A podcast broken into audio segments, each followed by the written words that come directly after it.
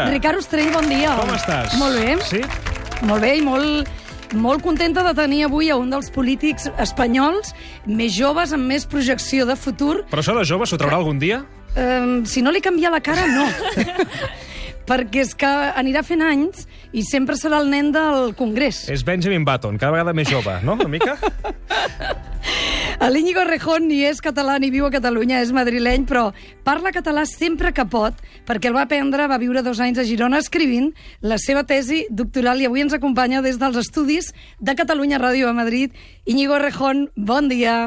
Què tal? Molt bon dia. Ja Bon n'estàs tip que et diguin això de la cara de nen, de que ets el jove... Però no només als mitjans, eh? Vull dir, fins i tot la gent que et para, que t'atura pel carrer, que t'ho diu, i sí, sí, sí. O sigui, és el preu que haig de pagar pel pacte amb el diable. Però què et diuen? Que sembles més jove al natural? Sí, però, com si, però cada persona t'ho diu com si fos una cosa super original, saps? Ostres, yeah. t'havien dit alguna vegada que sembles més jove? Jo, no, no, no. No, mai, mai m'ho havien No, no dit. m'ho han dit Mai, mai, mai, però això. moltíssimes gràcies pel comentari. Íñigo, t'estan escoltant molts gironins. M'agradaria que ens diguessis què és el que més recordes de la teva vida a Girona. Uf, no sé. Eh, Què feies? eh, bueno, estudiava molt i, i escrivia Sí. molt i passejava moltíssim. Per la Devesa? per la de... Bueno, vivia al barri vell i, mm. -hmm. i passejava moltíssim. I tinc records molt... O sigui, jo crec que han sigut de les èpoques més... Ha sigut de les èpoques més felices de la, de la, meva, de la meva vida. Ho recordo molt de carinyo. Mm -hmm. Algun I- bar, per això? Algun bar, algun bar... Anava molt, anava molt al forn, que crec que ja ha canviat de lloc. Mm. Però, no sé, no sé, sí, a tot arreu. Vull dir, el que m'agradava era perdre'm, perdre'm per ahí. No sé, me, ho recordo com una època molt de, de molta pau, de molta reflexió, i després d'una cosa que jo sempre he trobat a falta a Madrid, que és que, ostres, vivies a Girona i en mitja hora de cotxe eh, tenies la muntanya, tenies el mar, mm. i aquí en mitja hora de cotxe encara tens... Vull dir, has de fer, has de fer almenys 3 hores per arribar al mar o per arribar a muntanyes que... Bueno, tenim muntanya nosaltres, que tampoc no està gens malament, però, mm. però, però aquesta sensació de que ho tenies tot a tocar és una cosa que, que trobo a faltar, sí. Íñigo, avui és dissabte, acabem una setmana que ha canviat eh, la vida de moltes persones i que no haguéssim dit mai. Eh, no sé si tenim, ja... com una, tenim com una mena de saturació de dies i de setmanes històriques. Eh? Però és que aquesta, aquesta n'és bastant d'històrica, Sí, no? sí, ho és, ho és, sí, sí. Sí, jo crec que eh, ara s'obre un camí que estarà ple de contradiccions i de dificultats, però, però almenys estem en un camí, perquè portaven dos anys amb la política espanyola completament bloquejada i el, aquest bloqueig tenia nom propi, que era Rajoy i el Partit Popular de la Gürtel. Ara els han fet fora i això ha significat una explosió d'expectatives a la societat espanyola, que són expectatives molt més altes que les del vot per un, per un partit. El que estem, les, les il·lusions que està despertant el nou govern no són il·lusions de partit, són les il·lusions de que una vegada que que ens hem desfet, que ens hem lliurat de, de Rajoy, ara s'obren unes expectatives de regeneració democràtica, d'equilibri de la balança social i de recuperar el diàleg entre, entre pobles i nacions a l'estat espanyol, que jo crec que aquest govern mm, ha de ha de satisfer i que ha de, ha de, ha de ser capaç de, de complir. Jo no sé si ho serà, però nosaltres ens oferim, ens oferim com una força que pugui recolzar i empenyar aquest govern a no defraudar, a, a complir amb aquestes expectatives tan i tan, tan, i tan altes. De moment li hem de donar al govern uns dies de, de cortesia parlamentària, no? Perquè ahir Pablo Iglesias, abans d'ahir, perdó, ja deia allò de... Eh, han fet un govern que agrada més al PP i a Ciudadanos... És un govern que semblava que no li agradava, tot i que de seguida va dir que se li havia de deixar uns dies de cortesia. Sobretot perquè jo crec que hem de valorar aquest govern per les seves polítiques, no pas per, no només pels gestos o per la política d'imatge. A mi no m'agraden tots els nombraments de, de ministres, però, però no m'han d'agradar. No és el govern del canvi que jo voldria. Aquest arribarà, si ho fem bé, el 2019 a les municipals i autonòmiques i el 2020, molt probablement, al, al, govern, del, al govern espanyol. Però això arribarà des, arribarà amb el vot popular, amb el, amb el vot de la gent. Ara és un govern de transició que pot anar complint algunes de les tarees o revertint algunes de les mesures més lesives que ha practicat el Partit Popular en matèria de retallada de, de drets civils i llibertats, en matèria de precarització i de privatitzacions i en matèria de patrimonialització de les institucions públiques. Eh, ja dic, serà un camí difícil i contradictori que nosaltres pensem que, que no, un partit només no pot recórrer, sinó que necessita d'una àmplia aliança social i política progressista que pugui tirar endavant i satisfer les expectatives que moltíssima gent, almenys a la política espanyola, està vivint. Digui'ns un ministre que no li hagi agradat. Um, no no m'agrada una bona part del, del currículum com a jutge de Grande Marlaska. M'hagués agradat un, un currículum més respectuós amb, les, amb la llibertat d'expressió i els drets civils. I jo ja sé que no és pas la seva funció, però el nou ministre d'Assumptes Exteriores, uh, Josep Borrell, uh, potser no és, la millor, no és el millor missatge a enviar per recuperar el, el diàleg plurinacional a l'estat espanyol, però entenc que no, són les seves, no, no, és la seva, no és la seva feina, que la seva feina és uh, la dels assumptes exteriores. I No? el de cultura, t'agrada? El de cultura jo el conec, i no, no, ens, no som amics, però ens coneixem i ens portem, ens portem prou bé. Sí? no, Amb el vull- màxim.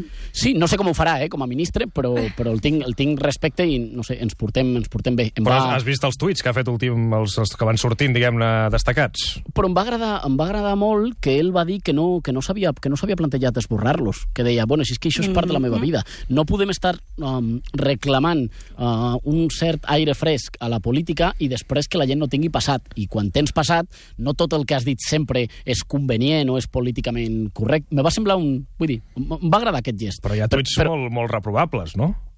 um, com ara? Com ara que hi ha negres a França. Ah, buf, aquest no l'havia llegit, sí, aquest no m'agrada molt. en aquest tens, tens tota la raó. Ho dic també Però... perquè aleshores la política juga a criticar una sèrie de tuits d'una banda i també hem de criticar els altres, no? Ah, sí, sí, sí, bueno, que hi ha dos vares de, dos vares de mesurar, això, això està, està claríssim. I és veritat que segons qui les digui, i sobretot segons des d'on les digui, són valorades d'una manera o són jutjades d'una manera i són Sí, valorades... això ens portaria a debatre quina importància se li ha de donar a l'historial que tenim a Twitter, no? I a més que Quina Twitter, Twitter és una, una eina que va néixer també eh, d'una forma molt instintiva, no? que hem anat corregint amb els anys i hem anat entenent, tot i que encara alguns l'utilitzen d'aquesta forma. Però al Sí. principi era, una, era una forma de vomitar més, no? que no sabíem ben bé què era, estàvem provant, estàvem jugant, però clar, Però que, i, que, i, i a té més, a més, conseqüències, molt ara. Molt probablement d'aquí dues generacions o d'aquí una generació no tindrem ja polítics que no tinguin un historial a internet on, òbviament, hi haurà coses que no signarien eh, ara mateix en el moment d'exercir un càrrec públic. A mi això no és el que més m'importa. Eh, prefereixo jutjar la, a les forces polítiques o als representants públics pel que fan. I jo en això estem amb, seguim amb il·lusió, però també amb prudència aquest govern. Eh, jo no sé cap a on anirà. Si va cap a mesures de regeneració democràtica, de protecció dels més febles i de lluita contra la precarietat, de lluita contra la discriminació salarial entre homes i dones i de recuperar el diàleg entre, entre territoris o entre pobles, ens semblarà que ho està fent bé, el recolzarem i l'empenyarem. Si no, doncs no, no, no farem camí amb ells. Íñigo, vostè diria que eh, qui ha quedat més descol·locat amb l'arribada de Pedro Sánchez ha estat Ciudadanos? Claríssimament. De fet, ara no se'ls veu. Vull dir, estan...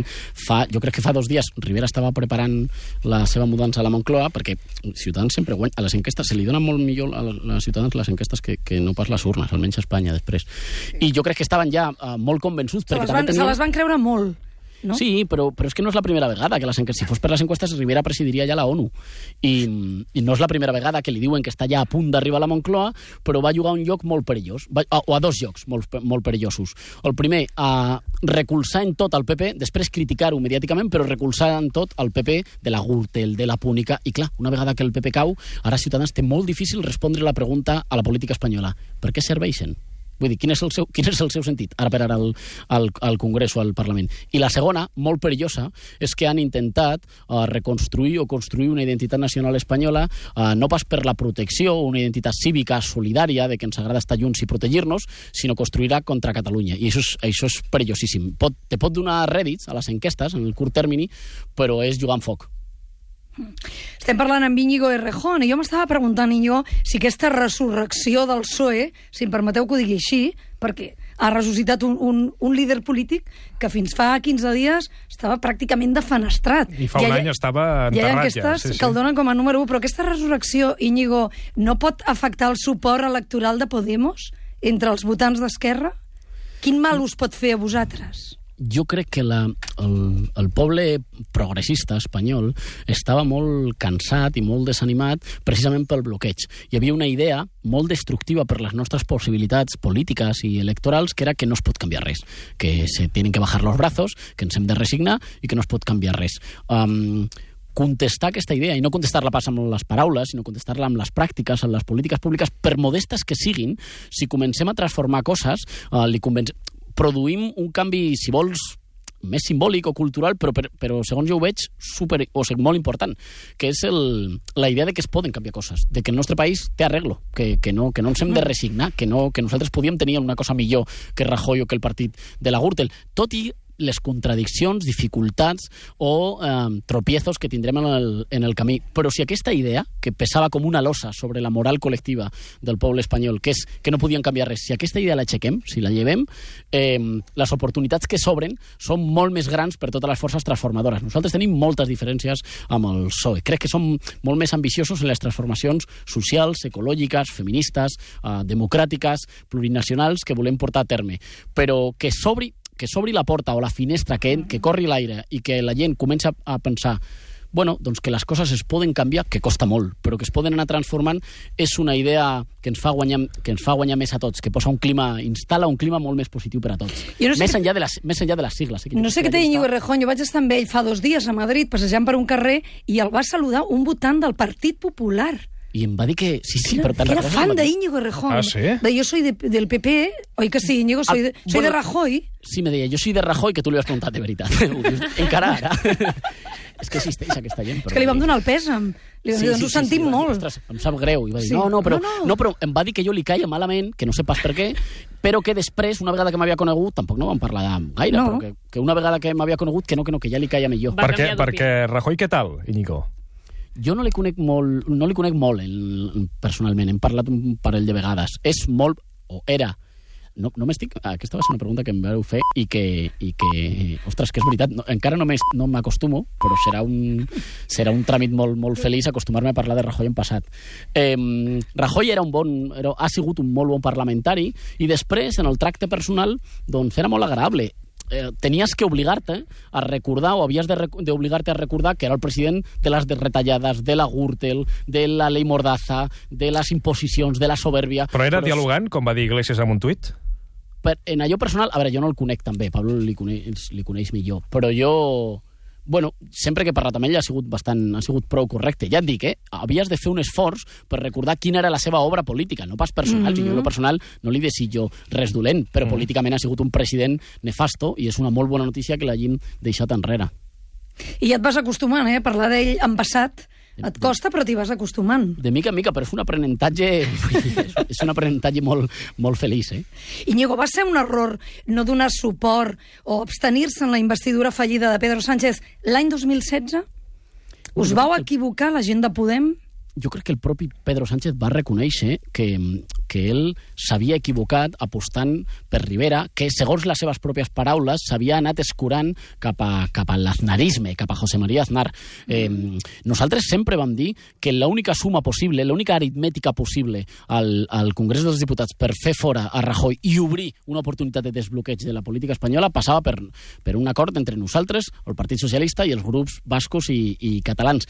I al final el PSOE l'ha descobert. És veritat que han hagut de passar moltes coses i hem hagut tots, i aquí dic tots, d'aprendre a cooperar, a ser forces que tenim horitzons diferents. Jo crec que el nostre és més transformador, vol transformacions més profundes, però hem hagut d'aprendre a cooperar com ja ho fem a molts municipis i a moltes comunitats autònomes. Abans deia, tiene arreglo, lo de España tiene arreglo. Parlem de Catalunya, Íñigo. ¿Y lo de Catalunya tiene arreglo? Señor Errejón. De ten... Bueno, es que te diria més enllà. Uh, si no tiene arreglo, no hi ha arreglo possible de lo de... No, com es diu arreglo, per cert? Solució. Solució. No? Solució. Bueno, sí, Bueno, solució. sí, sí, sí. Solució. Si, si es pot arreglar. La, la, la regeneració democràtica d'Espanya no té solució si prèviament no hem abordat la, la, el conflicte polític a Catalunya. Eh, vull dir, durant molt de temps hi ha hagut for formacions que s'autoanomenaven progressistes que deien, bueno, podem no, no mirar o mirar cap a un altre costat quan parlem de la qüestió territorial o plurinacional eh, i anar solucionant tota la resta. Però no té, vull dir, no té solució. És, pac, és part, me sembla, d'un pack únic en el qual eh, l'equilibri social o el retornar a la protecció social i a la redistribució de la riquesa, la regeneració democràtica i la solució de la qüestió plurinacional, que, mm, segons ho veig jo, passa necessàriament per, per, per una combinació d'acord i referèndum, eh, si no es fa en PAC, no es fa, no es pot governar. I jo crec que la derrota de Rajoy uh, sense que Ciutadans li hagi pogut salvar, ho ha demostrat. No es pot governar Espanya contra Catalunya. I quan més aviat ho aprenem, eh, jo crec que guanyarem temps per solucionar la qüestió. Jo crec que ens queda temps. I Però és una, govern- és una solució, eh, Íñigo, que passa, per exemple, per solucionar el tema dels presos, que passa per una No, defensa ferma del dret a decidir, transformar això en una mena de referèndum, per on passa? De moment, jo a aquest govern no crec que se li, puguin, se li puguin demanar tantes coses perquè no crec que sigui tan, uh, tan ambiciós. No sé si està preparat. Ja m'agradaria a mi, però no sé si està preparat. Però pot anar fent coses.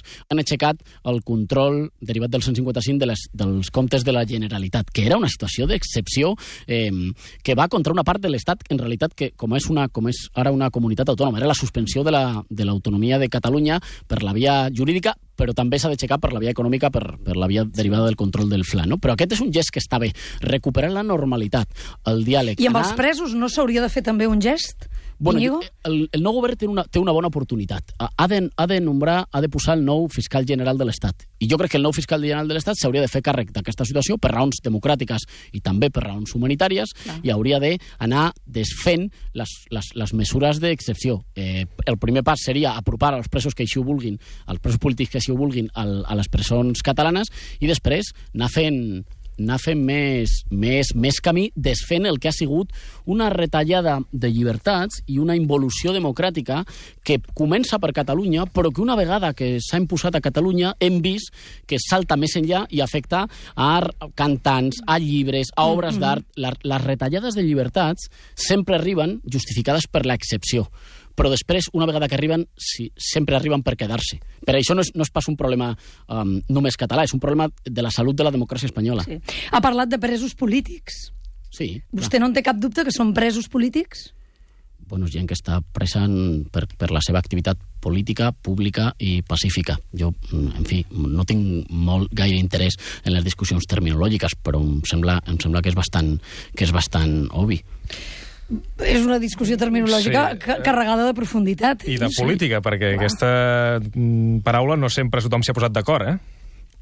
És veritat, però però me sembla poc discutible que el tractament mediàtic que reben, um, l'impacte que té sobre la societat civil a Catalunya o sobre el poble de Catalunya, eh, les mesures d'excepció que se'ls ha aplicat, que no s'apliquen a altres, um, altres presos o a persones que tenen causes en la justícia, me sembla que demostren que són presos resultat d'un conflicte polític. No pas d'una activitat individual de saltar-se la llei, sinó d'un conflicte polític que només es pot resoldre per vies exclusivament polítiques. Ja fa temps que hi ha molts que diem que els problemes de convivència entre els pobles no es, no es solucionen amb sentències ni, ni amb cops de porra. Mm. I dir això no li provoca una mica de recel eh, de cara a la seva candidatura com a presidenciable a Madrid? És un tema que, és un tema que no, és, no, no ha sigut sempre el tema més fàcil de, de defensar. I precisament per això jo estic molt orgullós de pertànyer a una força política que no ha defensat sempre el que més cotitzava a les enquestes a curt termini, sinó el que pensaven que era l'única posició um, sensata, pragmàtica i democràtica per resoldre la qüestió de la convivència dels diferents pobles a l'es- a l'estat espanyol. I, i, i em sento orgullós. Ja dic, no sempre ha sigut fàcil, però quan passa el soroll, quan baixa el soroll, jo crec que hi ha moltíssima gent que reconeix que estem fent l'única proposta l'única proposta sensata i pragmàtica. En el tema de la moció de censura, Podemos s'hi va implicar molt personalment. L'altre dia, a La Vanguardia, hi havia una informació ratificada aquesta setmana per, Puig, per el president Puigdemont, en el sentit que Pablo Iglesias l'havia trucat per telèfon per parlar-ne de la moció de censura, per parlar del sentit del vot. Sí. Eh, Sí, sí, i no, i, bueno, i no només, jo crec que fins i tot el moviment d'anunciar una segona moció instrumental sí. Um, que abanderava la idea que havia posat sobre la taula Ciutadans va tenir un efecte molt important, decisiu, en la posició final del PNB, del Partit Nacionalista Basco, que al final va decidir recolzar la primera moció de, de, de Pedro Sánchez. Nosaltres vam fer la nostra feina perquè la moció uh, tirés endavant.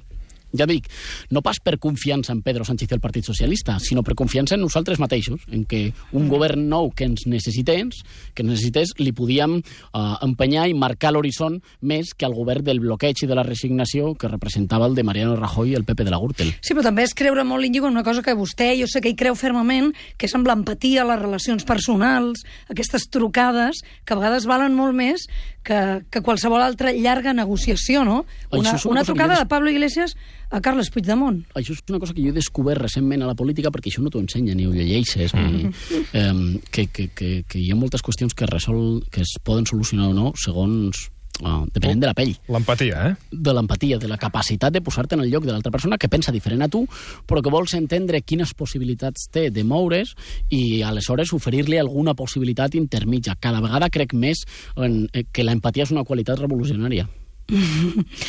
Eh, Íñigo, vostè on viu? Jo visc a Madrid, al centre de Madrid, De lloguer o de propietat? de lloguer. De lloguer des, de fa, des de fa molts anys. Sap per què li pregunto, no? M'ho m'ho imagino, mm. veig venir. És un pis, és un pis petit? És un xalet?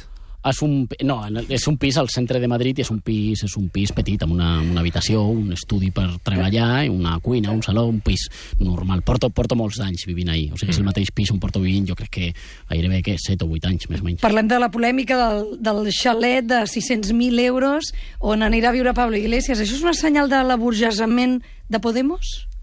Podemos No, ha canviat jo- molt des de que es va, van començar vostès, un grup d'amics, van començar a decidir un projecte polític que els ha portat fins, fins a tenir 5 milions de vots. És veritat que representar 5 milions de persones i les responsabilitats derivades canvien molt les dinàmiques, que sé jo, les dinàmiques personals, grupals, afectives. És normal, perquè nosaltres ja no ens devem només a nosaltres mateixos, sinó també a una esperança no majoritària, però molt representativa, molt important, de gent que vol fer d'Espanya un país més just. I, I això és veritat que transforma les relacions. Sobre la polèmica, jo crec que uh, Pablo va prendre una decisió personal, que jo no em fico, no em poso a jutjar, um, que va generar una, una polèmica pública, mediàtica, on jo crec que es van traspassar moltes línies vermelles, i després va decidir uh, resoldre aquesta polèmica um, fent una consulta a les bases, que es van pronunciar, i a partir d'ahir, eh, per a mi és una qüestió tancada. Però sí que és veritat que, que Podem en tot això, des de que ha començat a guanyar força, eh, s'ha vist molt atacat mediàticament constantment. Penso ara, per exemple, en el gest de Juan Carlos Monedero amb Soraya Santa Santa Maria, que no sé si el vas veure i si consideres que va ser masclista, allò. A mi no em va agradar aquest gest, li vaig dir. No em va agradar aquest gest. Eh, em va agradar que era, o sigui, em va semblar que era un gest que no, no li hagués fet a un home. I, per tant, per moltes i per molt grans que siguin les meves diferències amb Soraya Sánchez de Santa Maria, bueno, jo no ho hagués fet. No me sembla la, la qüestió més important del dia, però jo no ho hagués fet. Eh, sobre, sobre els atacs, també és normal. Vull dir, si tu arribes a la política eh, dient que, és que el que es necessita no, no és un gir de dos graus a l'esquerra o dos graus a la dreta, sinó que s'ha de recuperar la democràcia espanyola que ha estat segrestada per l'oligarquia i que ha fet que les institucions funcionin sempre per una minoria de privilegiats i no pas per la gent que de veritat ho necessita, si tu arribes amb aquest discurs tan fort, home, no t'has d'esperar només pétalos de rosa. És normal que et critiquen, que t'ataquin. Jo crec que s'ha de portar amb esportivitat. Pot ser que algun oient se li estigui oblidant que estem parlant amb un madrileny.